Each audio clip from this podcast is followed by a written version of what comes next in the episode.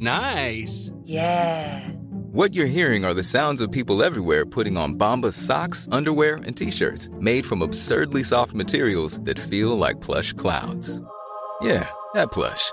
And the best part? For every item you purchase, Bombas donates another to someone facing homelessness. Bombas. Big comfort for everyone. Go to bombas.com slash ACAST and use code ACAST for 20% off your first purchase. That's bombas.com slash ACAST. Code ACAST. I'm Sandra, and I'm just the professional your small business was looking for. But you didn't hire me because you didn't use LinkedIn jobs. LinkedIn has professionals you can't find anywhere else, including those who aren't actively looking for a new job but might be open to the perfect role, like me. In a given month, over 70% of LinkedIn users don't visit other leading job sites. So if you're not looking on LinkedIn, you'll miss out on great candidates like Sandra. Start hiring professionals like a professional. Post your free job on linkedin.com/people today. Ni lyssnar på Bagge och Brobacke podcast. I 30 minuter varje vecka kommer vi ge vår syn på marknaden med fokus på pris, makro och sentiment. Välkomna! Sådär, då var det dags för avsnitt 24 av Bagge och Brobacke podcast. Återigen så spelar vi in en dag tidigare än vanligt. Det är tisdag den 5 oktober. Det är bäs i marknaden. Det är skadeskjutna investerare. Hur mår vi David? Skadeskjutna poddare tror jag du skulle säga. Ja, ah, en av två kanske. Nej, ja, vi mår jättebra. Ja.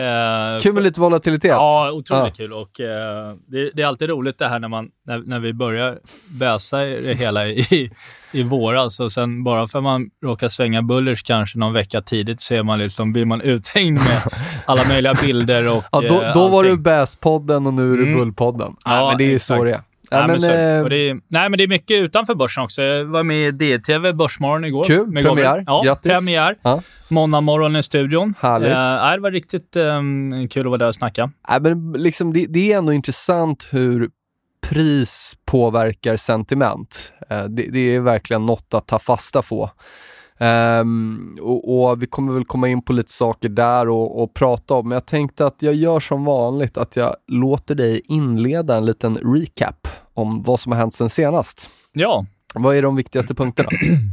Nej, men det man kan säga, det är fortsatt riktigt hög volla. Vi har fortfarande negativt gamma i- både på S&P och på Nasdaq. Alltså att tradingdesken måste hedga sina optionspositioner med att sälja svaghet och köpa styrka. Eh, och i den marknaden eh, består vi ett tag till så länge vi inte får några lite mer markanta uppgångar som kommer in då i, i positivt territorium eh, på den fronten istället. Då. Men eh, sen känns det ju också att vi är inne lite i en perfect storm på marknaden, vilket i och för sig inte är helt ovanligt då i liksom september, oktober. Det här är ju den liksom svaga, eh, svaga perioden eh, på året. Um, och eh, jag menar, i år har vi då taperingplaner från Fed som, som spökade framme. Vi har stigande långräntor, sätter press på, på tillväxtaktier framför allt. Eh, vi har historiskt höga aktieallokeringar. Eh, stigande energipriser som, som börjar eh, kännas, svettas på rätt många ställen. Vi har utbudsstörningarna som vi har haft nu ett bra tag och vi har ju också en, en vacklande fastighetssektor. Och sen har vi dessutom en hel del oro inför Q3-rapporterna som kommer om, om två, tre veckor. Bankerna i USA kommer ju med start nästa vecka. Då. Eh, så att det är klart att där har vi en väldigt trevlig liksom cocktail av eh, de här typ åtta orosfaktorerna att liksom svepa i sig och det är det som eh, marknaden gör nu. Ehm, vi ska väl prata mer index, men, men jag tror att vi tidsmässigt är, är ruggigt nära botten. Men, men vi ska prata mer om det. Vad ser du ut då? Nej, men jag tycker att någonting vi måste ta fasta på, vi, vi behöver inte alltid förklara varför saker och ting händer och det är ju sådär att det, man älskar ju storytelling, det är ju någonstans mänskligt att skapa historier hela tiden om prisrörelser. Men eh, om vi ändå tittar på vad det är som händer nu så brun energi, eh, jag menar, outperformar allt just nu, eh, vilket är roligt och eh, det har ju liksom eh, har ju varit flera saker prismässigt och prisdata som har indikerat det här. Eh, något man ska tänka på nu också det är att det här är en otroligt liten del av S&P 500. Det är väl någon procent eller sådär som mm. är energi så att det är inte så att de flesta investerarna får ta del av det här ens. Tittar vi på Nasdaq så har vi ju ingen energi eller råvaror och sen är det många som, som gillar att eh, investera eh, ESG-mässigt och då tar man inte heller del av de här uppgångarna så jag fortsätter vidhålla att det här är den, den största paintraden eh, och eh, tittar vi liksom, om jag zoomar ut nu, nu får vi stänga september här, det är ju faktiskt avslutat, så kan jag konstatera att det var eh, bästa månaden sedan start för min förvaltning. Eh, så eh, var ju med i DTV här i början av månaden och pratade om vad, vad som var liksom, hur jag positionerade mig och det var just lång brun energi och lång bank och så har blankat de här breda indexarna emot det. Eh, och det har blivit väldigt, väldigt bra. Eh, även short-bonden eh, där. Så att jag, jag, tror att sentimentet eh, jag läste ett ganska roligt eh, quote. Det, eh, vi tar det på engelska. Det var ju så här. If you're always a contrarian, you're a cynic and if you're a cynic, you're just an asshole.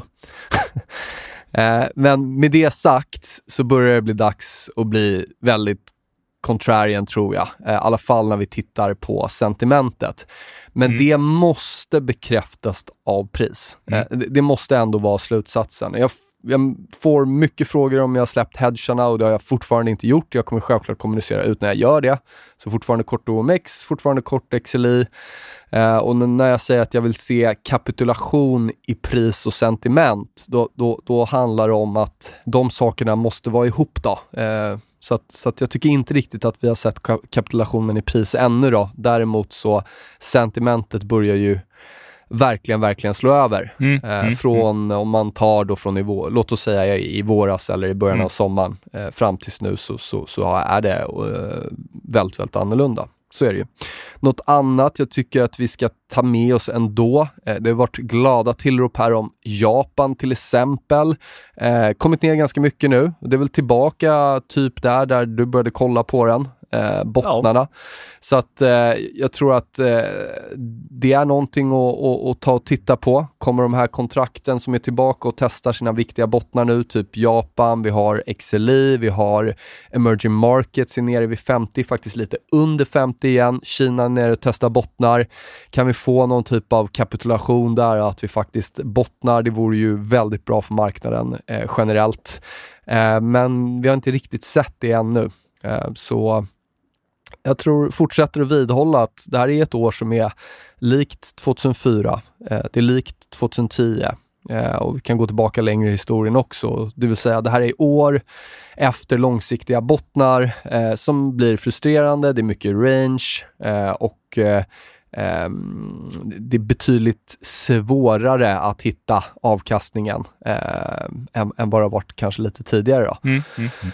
Så att med det sagt, om det nu är ett sånt år och folk börjar nu bli negativa och vi börjar liksom komma i nederdelarna av rangerna och handelsintervallen, då borde det ju faktiskt börja vända upp härifrån. Mm. Sen tror jag det är fortsatt jätteviktigt att skilja på marknad och marknad. Eh, tech ser inte bra ut, growth ser inte bra ut. Eh, om vi går ner i capsize så har det inte sett bra ut sedan i februari. Sen fick du den här stora pushen upp från juni i large och mega cap tech, men det börjar vika ner nu också. Vi såg Facebook igår. Mm. Men överlag så, så den relativa svagheten i tech och growth är påtaglig. Eh, och Ja, oh ja, ja, det var ju det vi, det har vi faktiskt eh, pratat om sen långräntan bottnade, att vi skulle om, om det ränteuppställ vi såg framför oss var riktigt, då skulle ju eh, tillväxt och tech få det lite tyngre. Visst. Vilket relationsmässigt eh, helt klart har varit eh, absolut så. Och det såg du på avförsäljningen igår, när breda, mm. stora index som är så tungt mot de största megacap techbolagen får riktigt mycket stryk, så tycker jag ändå att många eh, value trades höll ihop. Ja, det tycker jag absolut. Och vissa rallade ju till och med, ja. brun energi. Ja, men, men, många höll ju även ihop rätt bra. Ja. Nej, har, eh, många av de relationerna vi har tittat på, typ small cap mot breda marknaden och så vidare, eh, de, de grejerna ser ganska bra ut relativmässigt mm. mm. fortfarande. Um, dollarn är väl fortfarande en liten sån här uh, vi vill ju verkligen se en vändning ner i dollarn här. Eh, det skulle ju vara extremt bullish för energitraden. Återigen, liksom, om den kan gå så starkt nu, hur ser det då ut om, om dollarn vänder ner? Ehm, men, men, samtidigt så ska man ju ändå ta fakta på om en tillgång gör någonting som den inte borde göra, varför gör den det? Så, så skulle vi få ett fortsatt en stark dollarpris här, det, det, det tror jag skulle vara ganska tufft för marknaden mm. faktiskt. Om vi det, det, det, man kan flika in där, det är ju att vi på nedställen i, eh, igår, det var alltså måndag. Vi hade även nedställ i, i, i fredags, framförallt i Europa. Sen vände ju faktiskt USA upp och stängde hyfsat i fredags. Då. Men Eh, dollarn eh, började ju så att säga eh, wobbla lite under torsdagen och eh, gick sen ner under eh, fredag och måndag. Eh, så har kommit ner mot seken har kommit ner ungefär en procent. Eh, så att eh, jag, jag, jag tycker fortfarande det ser ut som att eh, dollarn är inne i liksom ett, ett toppbygge och att vi hade liksom en final overshoot på uppsidan här nu i förra veckan. Då. Ehm, men låt se, för den här veckan, viktigaste makro den här veckan då, som, som kan ändå spela in då på dollar långräntor, då, det är ju första fredagen i eh, varje ny månad. 14.30 så kommer ju non-farm payrolls i vanlig ordning. Då. Eh, och det är en, en, indikator som ni vet att eh, Fed följer väldigt noggrant och har uttryckt eh, eh att de eh, vill absolut ha igång arbetsmarknaden ordentligt eh, innan taper. Väntat är 470 000 nya jobb utanför jordbrukssektorn då, eh, för eh, september. Eh, och i augusti låg ju förväntan på 706 000 nya jobb och det landade ju på 235, så det var en riktig kalldusch. Eh, låt se eh, hur det blir den här veckan då, men, men estimaten ligger i spannet på mellan 750 och 200 000 då. Och skulle man komma in i linje med konsensus så är det troligtvis eh, tillräckligt för att eh, eh liksom den här tapering-planerna i november är locken loaded så att säga. Sen, kan, sen är det ju alltid intressant med, med Fed generellt om man ska säga något om det. För nu har ju senaste en och en halv veckorna har ju tre personer ur direktionen FOMC fått, fått gå. Um, och uh, med, man, man, uh, man skyller på att de har gjort uh, värdepapperstransaktioner och så vidare. Det var ju tre stycken hökar som har fått gå. Um, känns ju lite politiskt laddat det där. Det känns som att Biden håller på att tillsätta mer duvor i, i direktionen, eh, tycker jag. Eh, och att, för man vill ju ha med sig Fed nu när man ska göra sitt stora infrastrukturpaket inför valet 2024.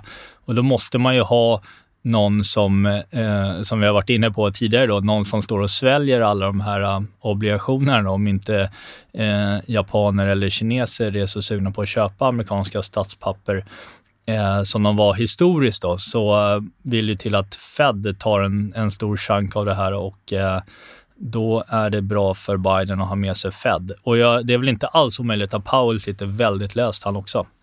Um, så att det blir väldigt intressant.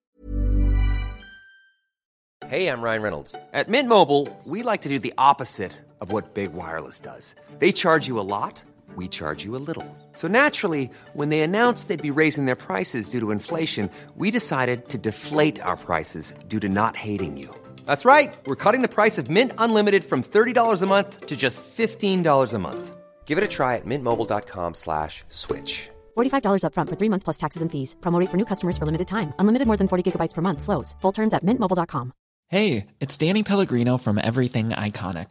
Ready to upgrade your style game without blowing your budget? Check out Quince. They've got all the good stuff shirts and polos, activewear, and fine leather goods, all at 50 to 80% less than other high end brands.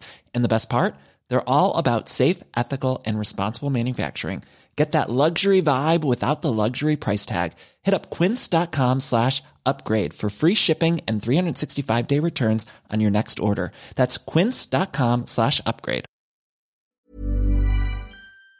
Sant att se dem. Ska vi säga någonting om, om uh, de här olika uh, Fed-ledamöternas trading, eller?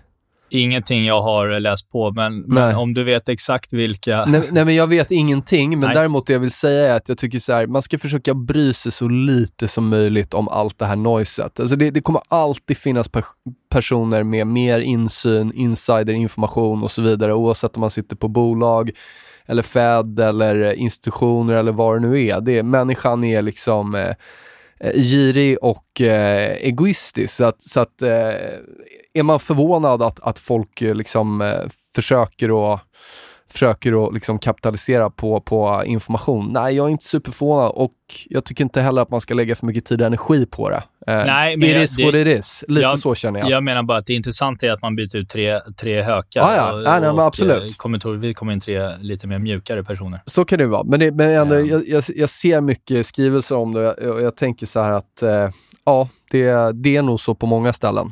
Eh, så är det säkert, ja. Eh, nej, annars så har vi på andra sidan Atlanten, höll jag på att säga, men på andra sidan jorden, eh, Kina. Eh, Evergrande, det är inte bara Evergrande som har problem då, det var ju även de här Fantasia, eh, en annan kinesisk fastighetsutvecklare som, som eh, eh, annonserade igår att man kommer missa eh, kupongutbetalningar på, på en bond som eh, faller den här veckan då. Eh, så att det är det sprider sig i andra delar av fastighetssektorn också. Däremot så är det ju samma sak i den här. Tittar man på, jag sitter typ med en graf på bondpriserna i Fantasia och de började ju också vika ner, liksom Evergrande, under maj, juni. Ehm, och gick ju ner då än, ännu mer igår då, men, men ehm, det har ju legat i korten, så det ser inte ut. I alla fall har inte bondmarknaden Eh, eh man har ju, ser ut som man har spekulerat i att de också ska få problem ända sedan i slutet av eh, våren. Då. Vad tror vi om kopparn? Mm. Det var ju ingen bra månadsstängning förra månaden måste jag ändå säga. Den var ganska, eh, den, ja, den tappade Ja. ju mot slutet. Men ska man säga ändå att den stängde över 4, eh, 4 eller 400, lite beroende på vilket kontrakt Ja, man det kollar beror på vilken kontrakt man kollar på. Men, men jag tycker nog att den, alltså givet den bäsen då som är i världen på liksom konjunkturoro, eh, Kina fastighetsutveckling, alltså hela, hela det, eh, liksom, situationen globalt, så tycker jag ändå att kopparn faktiskt håller ihop ganska hyfsat. Jag menar, vi, vi har inte gjort någon... Vi har varit nere och studsat. Vi gjorde en botten under sommaren och vi testade av den för två veckor sedan och handlade där över... Nej, jag tycker Nej, den vi- vi är liksom, ju på det samma- är ingen liksom vi- vi är panik i koppan på något sätt. Nej, det är det inte. Det är ju de facto en väldigt lång konsolidering. Från, Ja. Vi är på samma punkt som vi var i februari. Ja, Så rangen är, är, väl, är väl hyfsat stora, men ändå, det händer inte så mycket. Så att det där blir ju ganska intressant. Jag har eh, väldigt lite koppar, men jag skulle gärna vilja öka den då om vi får, får brytet upp här och, och få dollarn ner. Så att det där blir fortsatt intressant att se. Mm. Jag, jag ser ing, ännu ingen tydlig riktning där. nej, nej, nej. Det, nej jag lyfter fram eh, Boliden eh, eh, i... Eh, och pratade även lite om Lumi i gårdagens eh, Börsmorgon på DI-TV. Um, sen är det alltid bolagsspecifikt. Nu kommer rapporter och så vidare, men jag tycker faktiskt att de, eh, framförallt Boliden, ser fortsatt intressant ut. Och både den och Lundin Mining handlar ju ungefär 7-8% högre än bottnarna vi såg för två veckor sedan då, efter optionslösen. Då. Så Mm. att, eh, de har ju stått emot bra senaste bäsen här. Något som börjar se riktigt bullish ut, det är ju bitcoin och krypto. Ja, Etableringen är över 46 000 när det ser ut som det verkligen ska braka på nedsidan. Nu gör vi liksom grön dag efter grön dag här och det är precis som i liksom om man pratar om eh, eh energi och, och dollar att om bitcoin just nu är så här starkt när börsen bäsar eh, och det har vi också sett i relationerna om man prisar bitcoin mot S&P att det har varit fördel för krypto. Eh, sitter just nu här, nu sitter vi och handlas upp över 50 000. Är det så här starkt, hur ser det då ut när börsen vänder upp? För, för det är en risk-on-trade. Uh, du kan kolla på andra altcoins också som ser riktigt, riktigt uh, bullade ut. Att komma ner, testa de där tidigare bottnarna eller topparna som nu börjar agera bottnar och så vidare. Så att eh, ja, det, det, det ser eh, bullish ut i kryptoland, minst sagt. Mm. Eh, eh, jag tror jag tweetade för någon vecka sedan eller vad det var och säger att är vi över 46 000 som det ser ut nu, då är det för mig är det nya all time highs på bitcoin som gäller. ja det, det, det känns ju som att vi är på väg dit. Ja. Mm. Och hur, om vi får det här scenariot nu då, hur illa kan det vara på börsen egentligen om bitcoin söks upp mot all time high? Jag tror inte att eh, det, det är ett marknadsklimat när börsen kraschar direkt. Nej, jag tror ju, alltså, jag tror ju inte att, vi, att, att börsen packar ihop här och nu. Det var den ultimata toppen vi såg i augusti och nu är det över, som många verkar tro. Jag tror ju inte det. Jag tror att vi ska ha fortsatt... Folk kan tycka jag är liksom eh, naiv och, och liksom allt möjligt skadeskjuten, men jag tror ju fortfarande att vi ska ha en bra resa in i slutet av Q1, början Q2. Mm. Och jag skulle bli förvånad om det inte blir så. Nej. Och det är ju inte alla som skriker om krasch heller, men samtidigt, de, de som satt här i, i början av september eller i mitten av september och sa att nej men eh, man ska aldrig sälja för då missar man de största uppdagen och sånt där. Alltså det där är ju bara grejer man hör när vi är några procent ner. Du kommer inte se några strateger eller förvaltare eller allokerare sitta i diverse finansiell media och säga att sitt kvar, Eh, man, man, får absolut inte missa de bästa lagarna. Det är ingenting du hör 25-30% ner. Det kan jag garantera. Det. Eh, sen, att faktu, alltså, sen att det är någonting som kanske stämmer, men, men det är sån otrolig cherry picking och då har man också så här, jag menar, du är ju fortfarande så att du kan sitta i en sektor som då trendar ner i 7-8 år. Så att ja, man ska ta det där lite med en nypa salt grejen är ju så här också att de som uttalar sig så i media, det är ju ofta long-only strategier. Mm. De får väl knappt vara korta eller kan väl knappt vara korta. Nej, men du vet... kanske har du ett 5% kassa och då ja. svider det för att du kanske missar uppgången ja. mot index. Ja. Liksom. Så att eh, det där tror jag man ska ta med en ganska stor eh, skopa salt. Mm.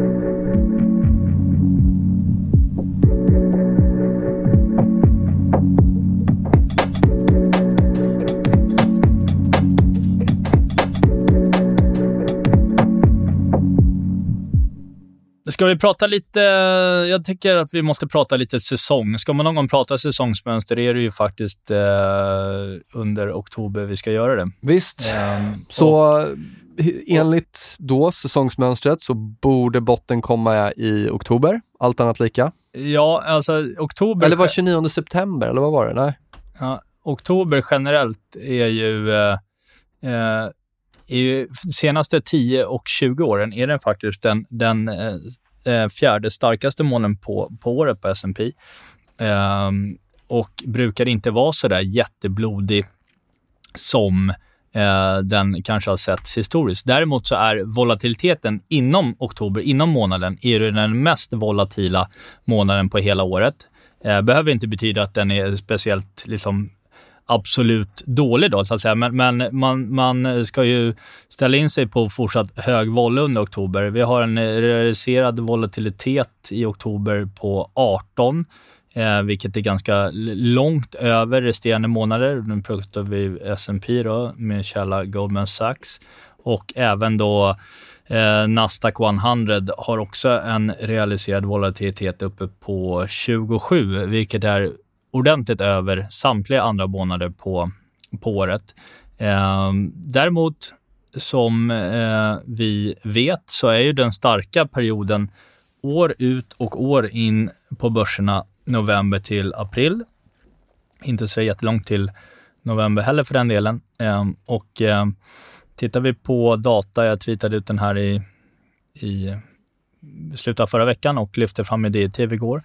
Eh, data från 1988 så har ju OMX gått eh, 11,4 procent under perioden november till april. Förra året så gjorde det, vi hade 34 procent den tidsperioden och från april till nu är vi faktiskt strax under nollan. Um, och på S&P så ligger vi på plus 8,6 procent november till april jämfört med maj-oktober som ligger på plus 3 i snitt.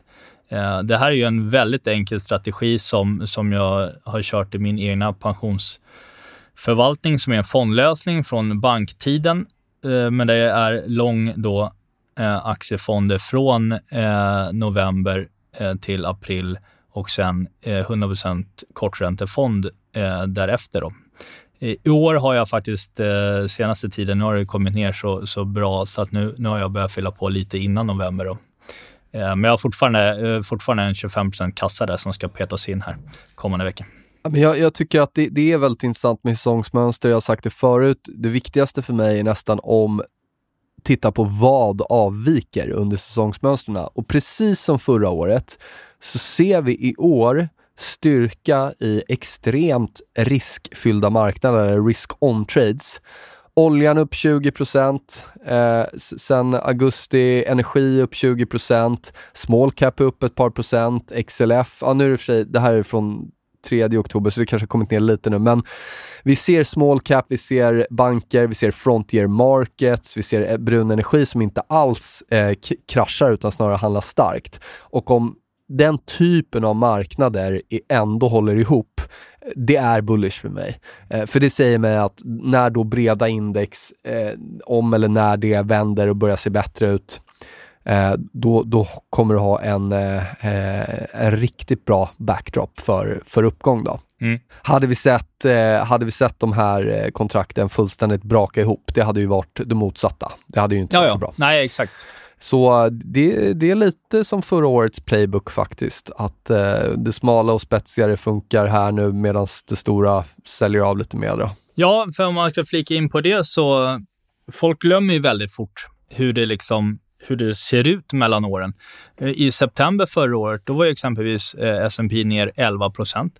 Eh, det var ju efter att liksom Wall Street Whale, då, alltså Softbank, var ju klar med sin köprädd på köpoptionen på US Tech där man gjorde under augusti. Då som ledde till en stor gamma-squeeze och sen kraschade i september. I oktober var S&P på nytt ner 9,4 procent och sen var det ner 5,5 procent i år.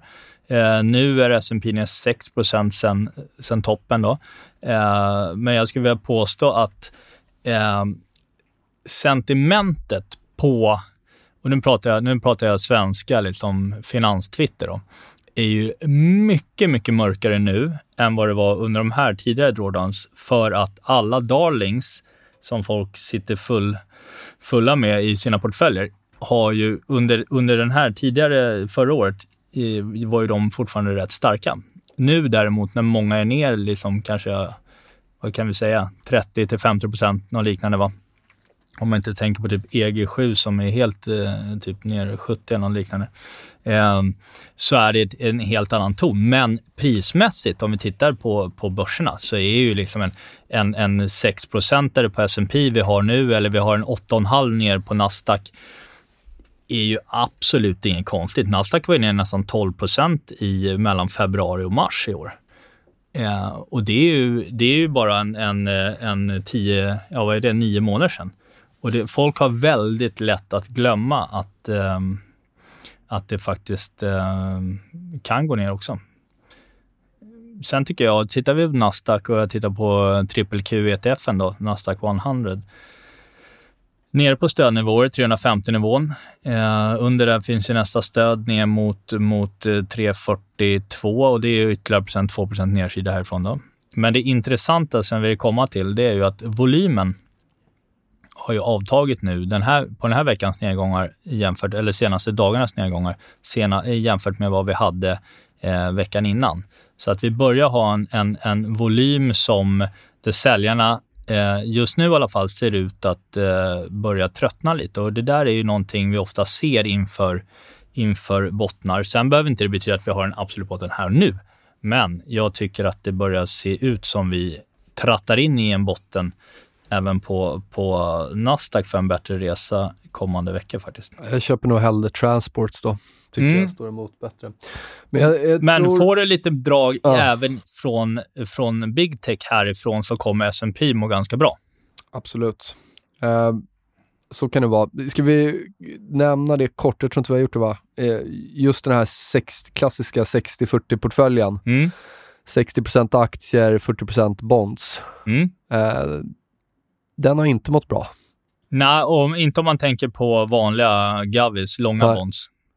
Eh, då har du ju haft, sen i augusti har ju långa bonds, när räntan börjar gå upp, har ju de vikt rakt ner i källaren.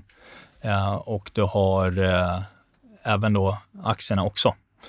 Det, det, finns ju ett, ett enormt investerarkollektiv där ute som, som har handlat enligt den devisen och mm. fortsätter att handla så, vilket är fullt naturligt eftersom att det har varit vinnande traden, nedåtgående räntor, uppåtgående tech i så många år. Mm.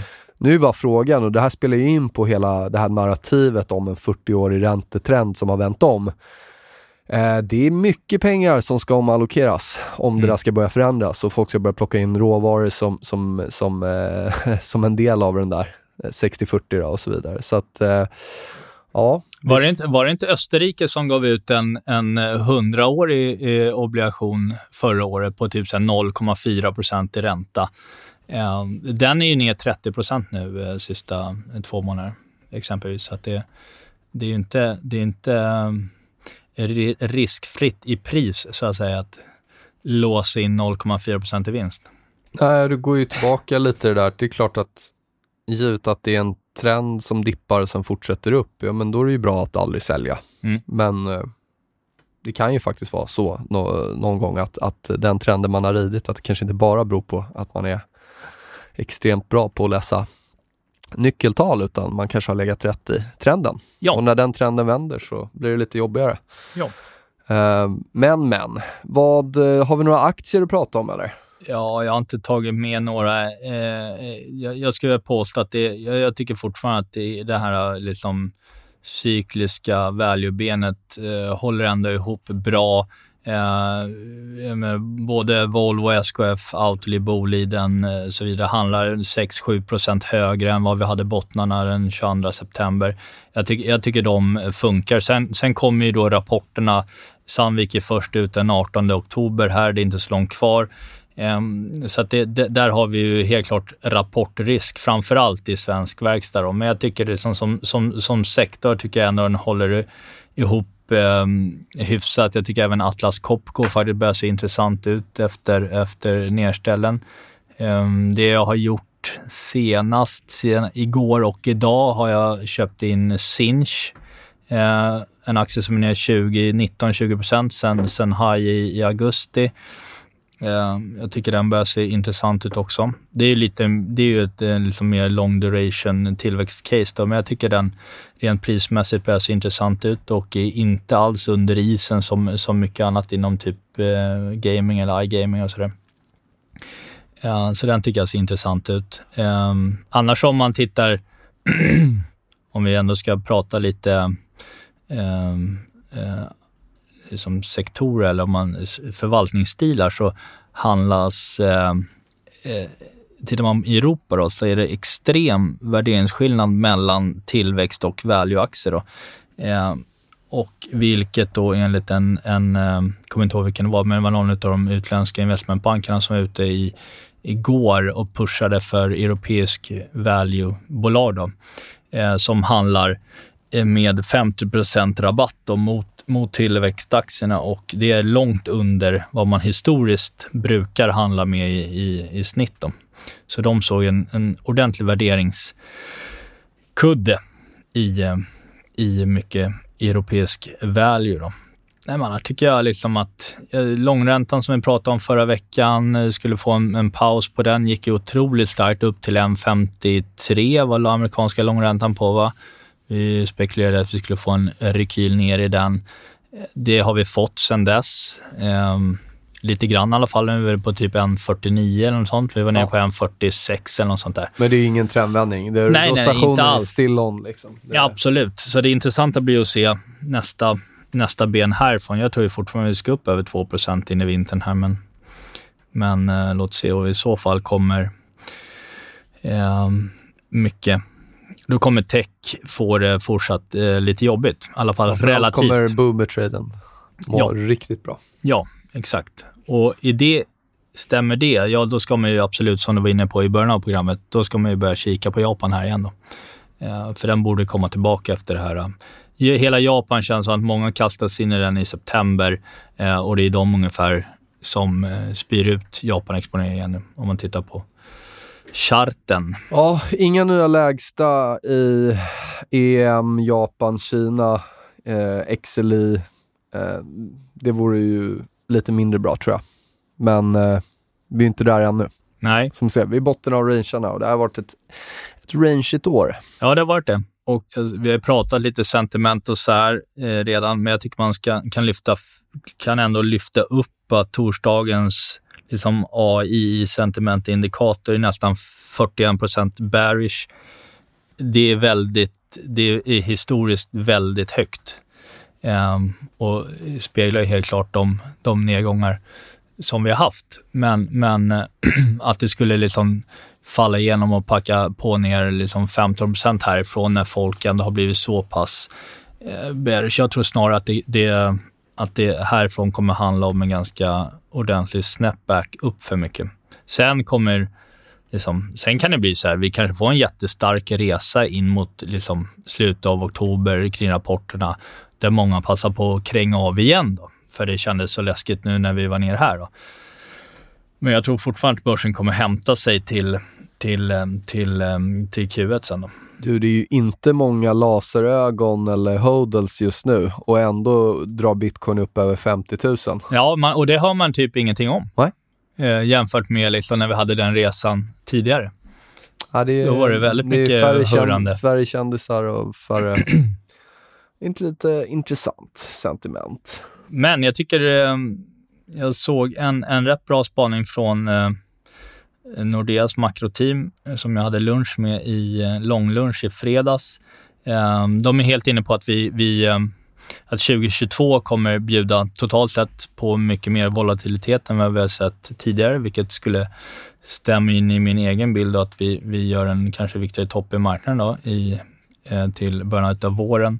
Eh, och det är då eh, backdropen i likviditet globalt sett kommer falla och den brukar leda börsen med sex månader. Och det är lite det marknaden börjar sniffa upp redan, redan här också. Då. Men det är, det är, när, när färre centralbankspengar jagar marknaden eller finns i systemet så är det i alla fall mindre pengar som kan driva upp värderingarna. Då. Um, vi har även tillväxt, tillväxten som, som, som, um, som faller globalt uh, och ISM då som, som börjar droppa uh, innan. Då. Vi har fortfarande, eller kommer ha, uh, ytterligare marginal och kostnadsinflation och marginalproblem uh, när allting blir dyrare, vilket du har varit inne på själv, brun energi och så vidare. Det finns väl ingenting som har blivit så mycket billigare i alla fall senaste halvåret. Stämmer. Om man tittar och, ehm, och sen har vi då eh, också då att Fed väntas eh, sakteligen backa ur den här marknaden. Får vi se om de hinner det eller om den smäller helt och hållet innan, men, men det är ju deras plan i alla fall. Då. Så att, eh, och som vi har varit inne på tidigare, att eh, när du kommer in i en taperingperiod på, på eh, Feds balansräkning, då tenderar ju börsen, ja, jag vet jag la upp någon graf på det i somras, eh, då tenderar ju börsen att gå in i betydligt högre volatilitet än vad vi har haft tidigare. Och det är väl också det vi ser starten på nu då. Mm. Du, eh, inte så mycket mer va? Sober October, volatilt men förhoppningsvis en botten. Eh, ja, det dollarn är kan komma min ner. eh, fasta utgångspunkt. Ja. Value-traden börjar vakna till liv igen lite bredare och eh, täcker fortfarande bagholders. Lite så va? Vi får se. Men du, eh, tack för idag David. Mm, Frågor tack själv. funderar, hör av er. Eh, kul att ni fortsätter lyssna. Vi ser er, vi hör er. Ta hand om er. Ha det bra. Tänk på risken. Yes, vi hörs. Hej då! Wherever I've been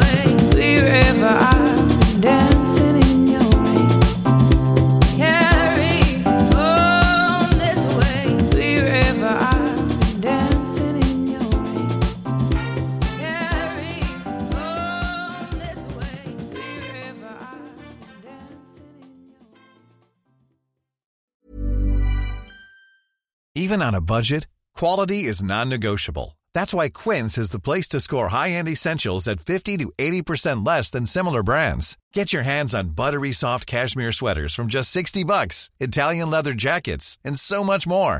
And the best part about Quince, they exclusively partner with factories committed to safe, ethical, and responsible manufacturing. Elevate your style without the elevated price tag with Quince. Go to quince.com slash upgrade for free shipping and 365-day returns.